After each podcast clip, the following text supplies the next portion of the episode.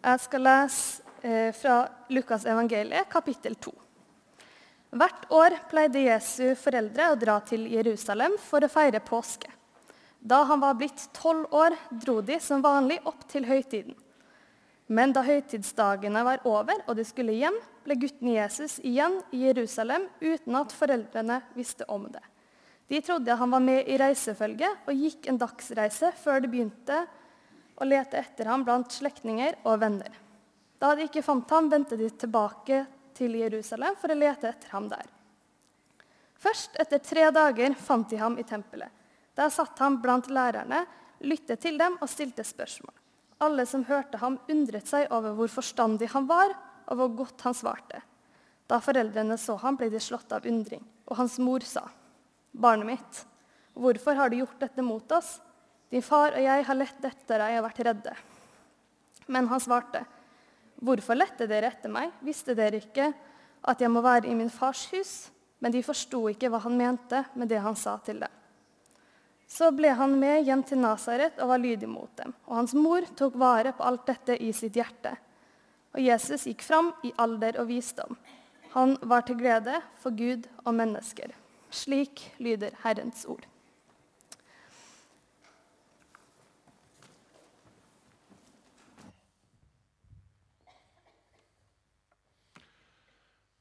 Jeg må bare si at um, jeg husker jeg likte ikke denne historien da jeg vokste opp denne fortellinga om Jesus i tempelet.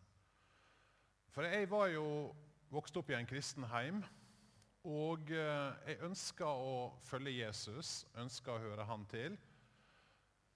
Men at Jesus hadde lyst til å være tre dager i tempelet, det var liksom litt i meste laget, syns jeg.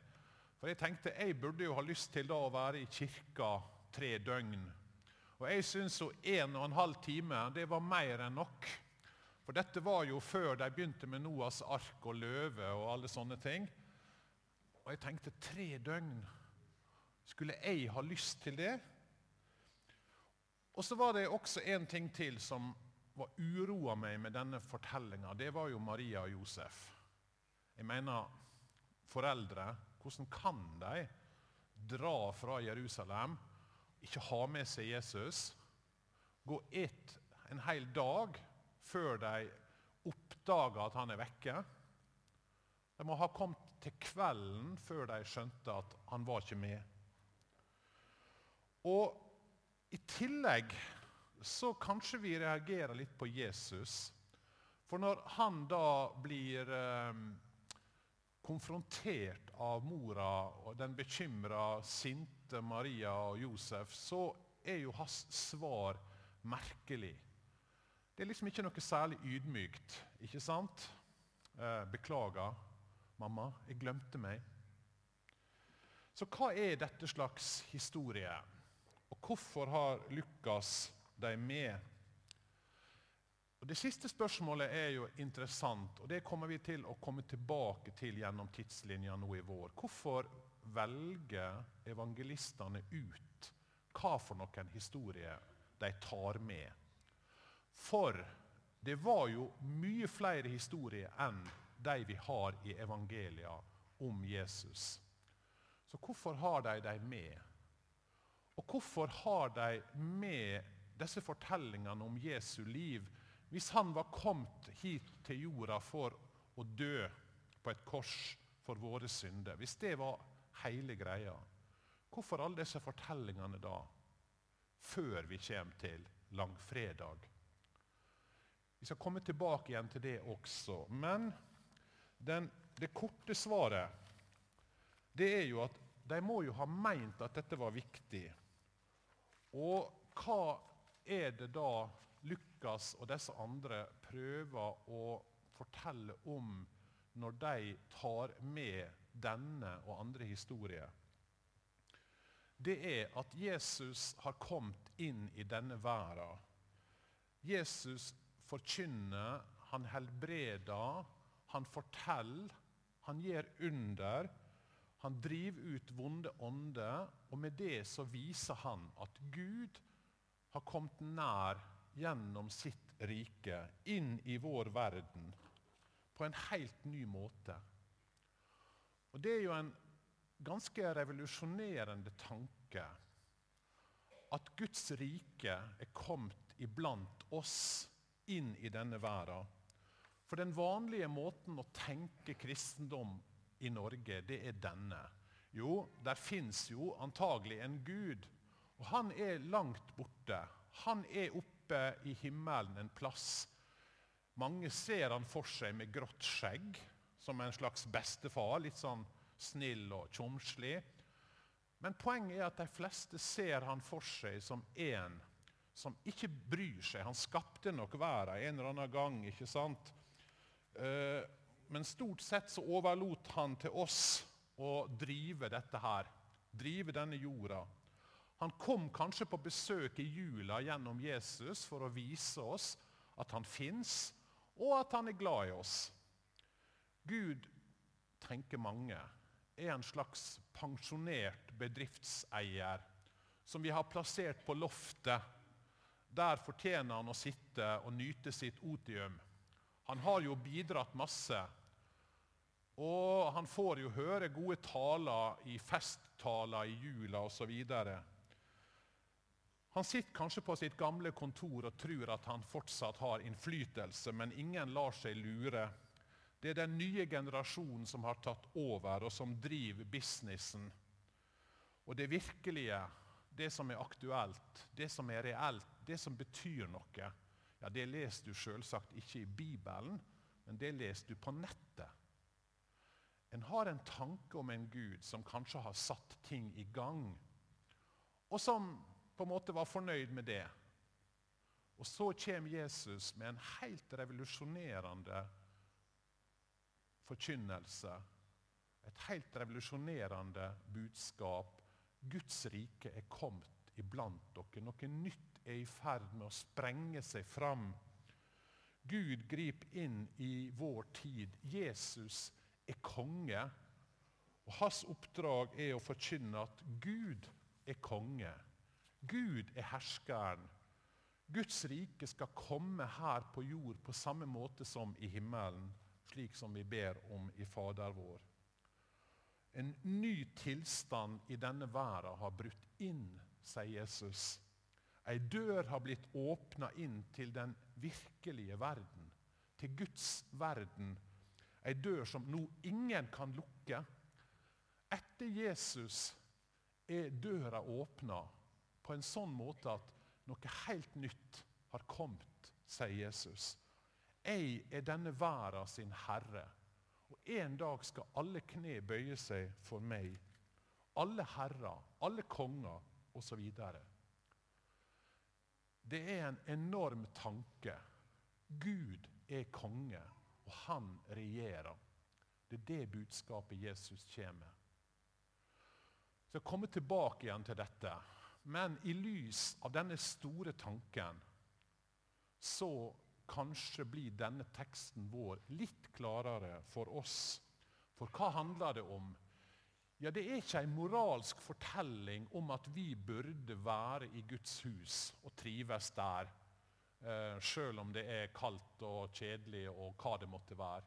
Nei, det er en fortelling om at Jesus allerede som tolvåring visste hvem han var, hvorfor han er her, hvem som er hans rette far, og hva han har kommet for å gjøre.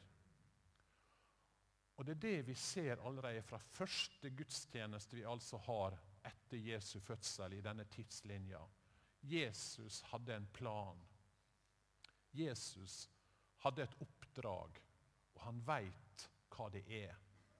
Men la oss kort bare se på denne historien. En venn av meg han skrev en tekstgjennomgåelse for Stavanger Aftenblad i januar i fjor. og Da hadde han som overskrift på denne teksten 'Bonuspappa'. Fordi denne her hellige familien, ikke sant? Maria og Josef og barna, ja, det er jo en, sånn sett en moderne familie. Josef, bonuspappaen, han som fikk et barn med ekstra på kjøpet da han valgte Maria. Og det var jo ikke lett. På samme måte som det å være bonusmamma og bonuspappa i vår tid er vanskelig, krevende, så var det krevende for Josef å få denne beskjeden. Så Gud måtte altså sende en engel for å roe han ned. Og Først da klarte Josef å godta at han skulle bli bonuspappa. Men så får altså Josef i vår tekst høre av Jesus hvem er det som er hans egentlige far. Jesus, denne tolvåringen, sier det rett ut. Min virkelige far bor ikke i Nasaret. Han er den Gud som bor i tempelet. Og Jesus sier, når jeg er her hos min far, da er jeg hos min rette far. Og Dette er siste gangen vi møter bonuspappaen Josef i Det nye testamentet. Han blir nevnt en gang til i forbindelse med noe slektsgransking i ettertavle. Men så forsvinner Josef ut av fortellinga. Maria derimot møter vi mange ganger. Og vi møter Jesus sine halvsøsken. For han hadde en god del halvsøsken som ikke var spesielt begeistra for det som storebroren gjorde. Det merker vi. Og Så ser vi, når vi begynner også på Det nye testamentet, at Bibelen tar fram alminnelige mennesker. En familie med sine konflikter, med sine vanskelige forhold og spenninger.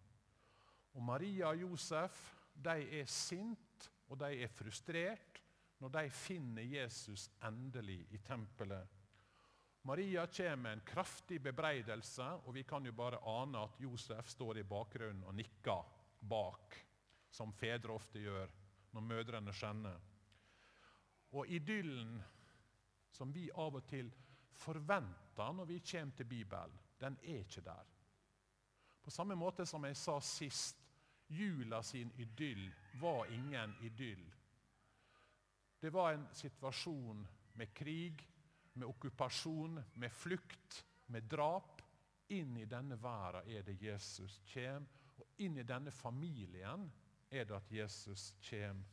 Bibelen tør å pirke vekk våre overjordiske glansbilder og vise oss vanlige mennesker som Gud bruker i sin store plan, i sin tidsplan for å gjenopprette denne verden.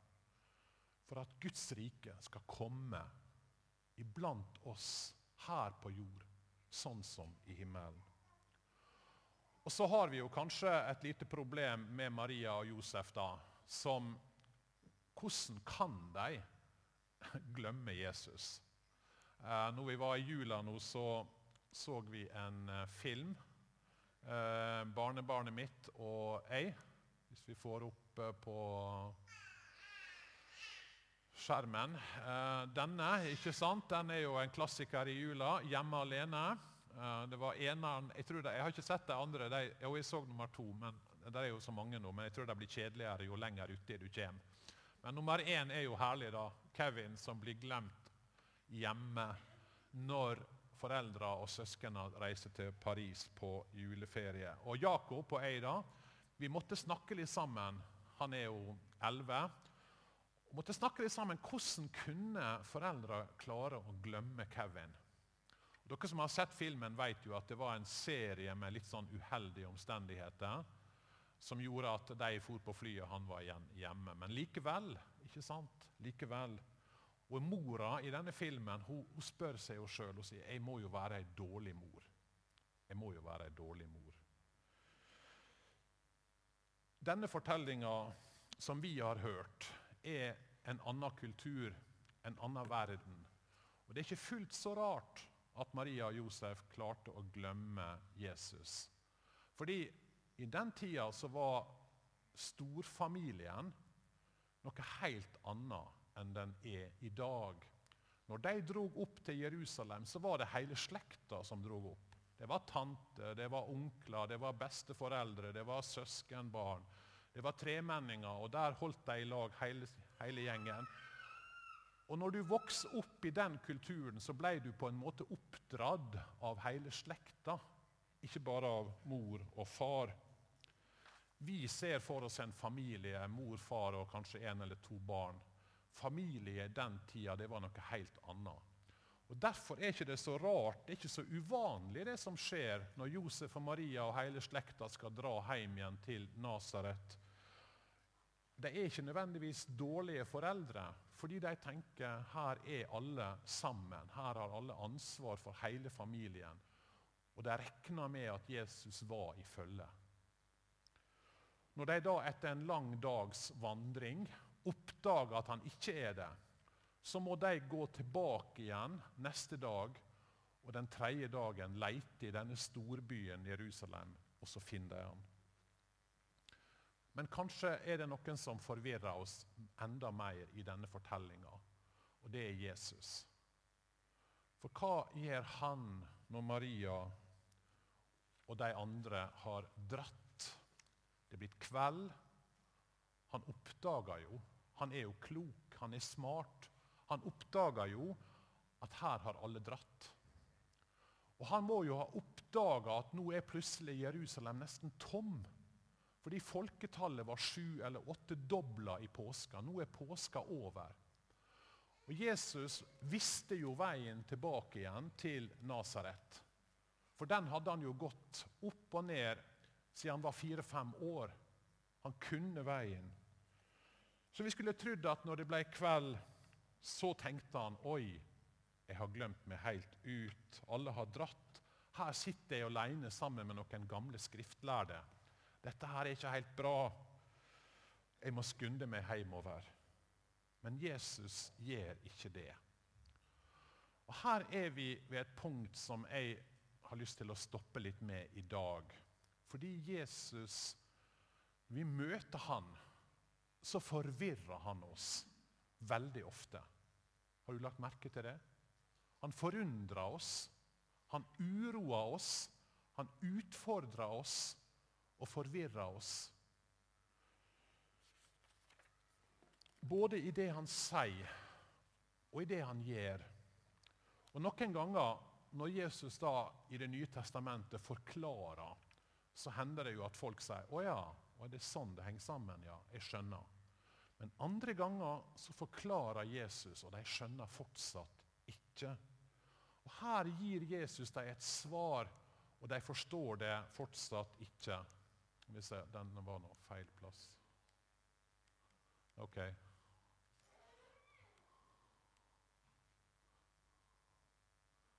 Det var ikke noen bibelvers. Ja, det er hoppa. Der, ja. Eh, for han svarte, ikke sant, 'Hvorfor lette dere etter meg? Visste dere ikke at jeg måtte være i min fars hus?' Og så er det jo slik at Maria, selv om hun får dette svaret, så skjønner hun det ikke. Og vi blir ikke sjokkert, vi blir ikke så veldig forvirra med det Jesus her sier. For vi tenker jo så lett ja, klart, Gud er vår far. Gud er vel far til alle. Så hva er så sjokkerende med det? Vi har vokst opp med Fader vår, og med tanken på en Gud som en gammel mann med skjegg, ikke sant? eller en bestefar som, som på en måte er snill og grei. og Litt utdatert, kanskje, men likevel. En jøde på Jesu tid hadde ikke den tanken om Gud som en far. Gud var altfor hellig, altfor stor, altfor uendelig til at en kunne personlig tiltale han som en far. Men Jesus gjør det, og så viser han noe helt annet. Noe helt nytt. For hvis Gud er hans far, hvem er da han? Hvem er han som kan si dette her? Og I tillegg så refser han foreldra. Han sier 'mitt mitt forhold til Gud relativiserer mitt forhold til dere. Det er en jeg trenger å være hos. Det er en jeg trenger å lyde, og det er min far. Jeg trenger djupest ikke å lyde dere. Og I en kultur der den unge alltid skulle lyde den eldre, så er dette sjokkerende. Det er forvirrende. Han blir med hjem, ja, men han gjør det fordi han er lydig, frivillig, ikke fordi han må. Han sier 'det jeg må', det er å være hos min far. Og Her er det en tolvåring som på en måte sier jeg er eldre enn dere. Jeg er eldre enn dere. Han har en sjølbevissthet, en autoritet. Han veit hvem han er. Og Det er som om Lukas, som skriver dette her, evangeliet, sjokkerer oss lesere med å si Oi, påstår virkelig han at han er Gud? At han har en autoritet som er over sine foreldre? At han er Guds sønn? Visste dere ikke at 'jeg må', sier Jesus. Og Det går igjen i alle evangelier. Det virker som om Jesus ikke bare driver av gårde, finner på tilfeldige ting. Nei, han må, han har en plan, han har en hensikt, en retning. Og Det er ikke noe som han finner på når han blir voksen. Det virker som han allerede her som tolvåring veit noe om dette her. At han aner noe om dette. Og så er det sånn altså at Jesus bryter med alle forventninger. Han uroer, han forstyrrer. Han sier 'der er ingen som meg'. Og Når vi leser evangeliet, så ser vi at folk ble uroa. Folk ble bekymra. Folk ble slått av undring av det han sa. Og Det var to reaksjoner på Jesus. Enten så tilba de han og trodde på han, eller så forkasta de han. Og Det er nesten bare det valget vi også har i dag. Du kan på en måte ikke si at han var en klok profet, og vi kan lære mye av han. Du kan liksom ikke si ja, det var mye bra i det han sier, men vi kan ikke ta alt til oss. Vi vet jo mye mer enn det han gjorde i sin tid. For Jesus han vil alltid uroe, han vil alltid forstyrre. Han gjorde det den gang når han gikk omkring på jorda, og han gjør det i dag. Og Han gjorde det i forhold til de som ikke trodde på han, og han gjør det i forhold til oss som tror på han, slik som han gjorde det med Maria og Josef, som jo var glad i han. De var jo glad i han og de var bekymra, men Jesus sier nei, jeg måtte dette her likevel. Og så er det sånn at Maria og Josef forsto ikke på samme måte som vi ofte ikke forstår Gud. Og Det er det jeg tror som jeg har enda på som min tanke i denne preika her. Jesus forvirrer, og vi forstår han ikke alltid. Vi tenker jo Dersom han er glad i meg, ja, så vil han jo velsigne meg. Så vil han gi meg et godt liv. Så vil han gi meg svar når jeg ber til han. Det som jeg roper til han om natta når jeg ikke får sove.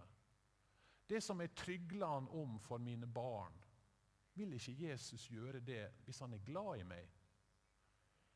Og så gjør Jesus og sier ting som uroer, som forstyrrer, som vi ikke forstår. Skulle ikke Jesus sørge for at vi slipper problem? Skulle ikke Jesus sørge for at de som tror på han og elsker han, slipper motgang og lidelse og problem og bekymringer? En som ga livet sitt for Jesus, var jo Paulus. Og Der er en tekst i 2. Korinterbrev 4 der Paulus skriver noe om dette her. Han som ofra alt for Jesus for å forkynne om han. Han sier vi har denne skatten i leirkrukker for at den veldige kraften skal være fra Gud og ikke fra oss selv. Vi er alltid presset, men ikke knekket. Vi er rådville, men ikke rådløse. Forfulgt, men ikke forlatt Slått ned, men ikke slått i hjel. Vi bærer alltid Jesu død med oss i vår egen kropp for at også Jesu liv skal bli synlig i den. Paulus oppsummerer livet sitt, så er det dette han skriver om. Og så sier han noe om at den som følger Jesus, han må ta sitt kors opp, slik som Jesus gjorde det. At det vil være en, en, en etterfølgelse. I lidelse mange ganger, i motgang, i problem. Paulus sier ja, vi er pressa, men ikke knekt. Slått ned, men ikke slått i hjel. Og Det er forvirrende for oss at Jesus er sånn. Ei dame som heter Elisabeth Elliot, um, hun er forfatter og misjonær. Hun skrev ei bok, en roman, som hun ga ut i 1966. Den heter 'No Graven Image'. Og denne romanen handler om ei ung misjonær som er 25 år, som drar ut til Andesfjella for å forkynne det glade budskapet. Og Til å begynne med så går ting veldig bra. Men etter hvert så kommer problemene og motgangen. og Mot slutten av boka så går alt galt. Alt faller sammen. Og slik ender den romanen. Og Da denne romanen kom ut da i 1966, så skrev folk sinte brev til henne, forteller hun.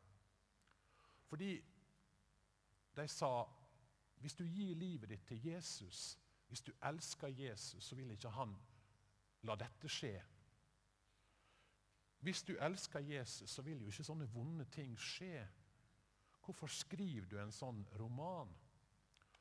Grunnen til at Elisabeth Elliot skrev denne romanen, det var jo det at hun var gift med Jim Elliot, en av fem misjonærer som drog inn i jungelen i Amazonas for å vitne om Jesus.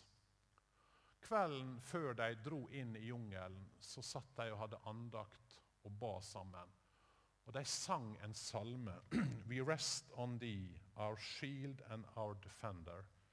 Vi hviler i deg, Gud, vårt skjold og vårt vern. Og Dagen etterpå ble alle fem misjonærene drept. Og hun satt igjen som ei ung enke. Seinere gifta hun seg på nytt, og mannen han døde av kreft bare tre år etter bryllupet. Elisabeth Elliot lærte noe som vi trenger å lære. Vi skjønner ikke Gud. Han forvirrer, han uroer. Han gjør ikke det vi forventer. Men hennes liv og hennes vitnesbyrd har betydd uendelig mye for mange mennesker. Hun drog sjøl ut som misjonær og Seinere drog hun inn til denne samme stammen som hadde drept mannen hennes. Hun sier en plass noe som jeg tror vi skal ta med oss fra denne gudstjenesten. Jeg river Gud ned fra tronen, sier hun, hvis jeg krever at han skal handle etter mine ideer og planer og mine tanker. Gud er Gud. Og hvis han er Gud, ja, så er han verdig min tilbedelse og min tjeneste. Jeg finner ikke hvile i noe annet enn i hans vilje. Og Den viljen er så uendelig mye større. Den kan ikke måles. Den er usigelig langt fra mine største forestillinger om hva han holder på med. Hvordan kan du behandle oss sånn, sier Maria.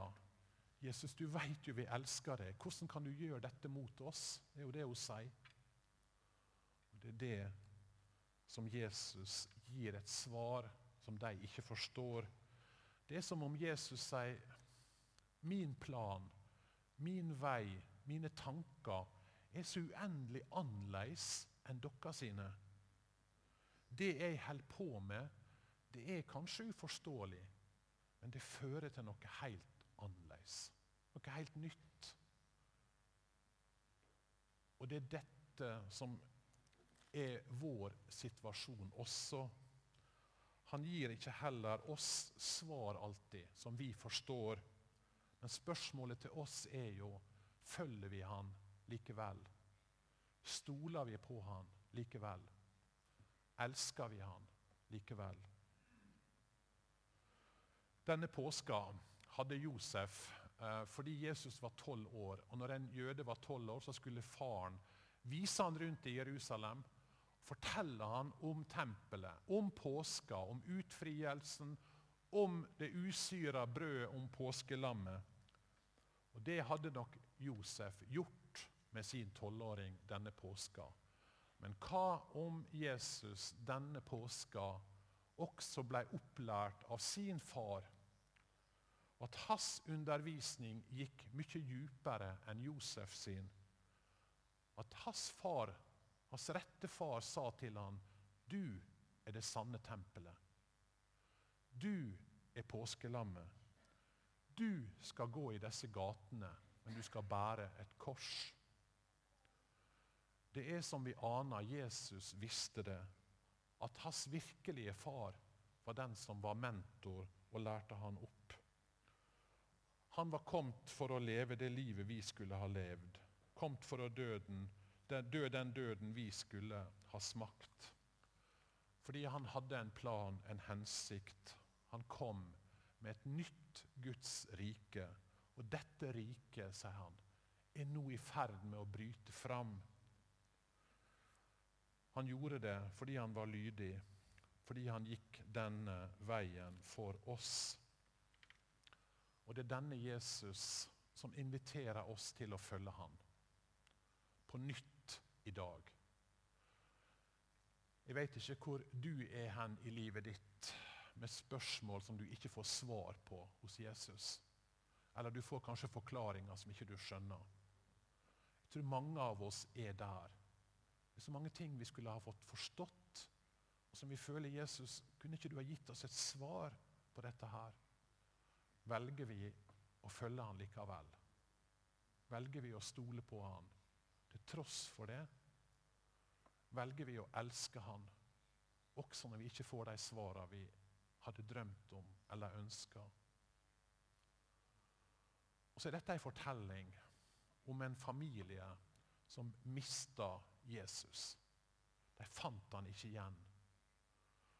Og Kanskje er du her som føler jeg har antagelig mista Jesus i livet mitt. Det er jo ikke slik at en gjerne har bestemt seg for at en skal slutte å tro på han. Det er en forfatter som heter George Bernanos, som sier det sånn Man mister ikke troen. Den opphører ganske enkelt å forme ens liv. Og Hvis du er her som føler jeg har kanskje mista han. Jeg hadde han en gang. som barnetrua. Eller jeg hadde han en gang, men han har glidd vekk fra livet mitt. Han har slutta å forme livet mitt ja, så er Jesus her i dag. Og Så inviterer han oss tilbake igjen til seg. Og så sier han, 'Kom til meg'. Den som kommer til meg, vil jeg så visst ikke støte bort. Vi skal ha en, avslutte denne gudstjenesten på en annen måte enn det vi bruker. Nemlig med ei tid til respons. Der du kan få synge, og lovsangsteamet vil lede oss der du kan få lov å gå og tenne et lys bak på det bordet som står der, med telys. Der du kan få lov å skrive bønner og legge i bønnekassa. Og så vil vi be for det hver torsdag framover på bønnemøter. Men først og fremst ei tid til en respons over om Jesus skal få være i ditt liv, også om du ikke forstår han.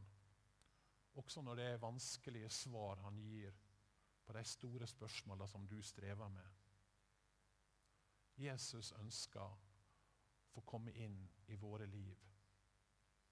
La oss be. Jesus, du sier at den som kommer til deg, vil du så visst ikke støte bort. Du sier at den som har tungt å bære, og den som strever, skal få lov å komme til deg. Så får vi alt, ikke alltid de svarene som som vi hadde ønska. Hjelp oss ta til å stole på deg likevel. Elske deg, følge deg.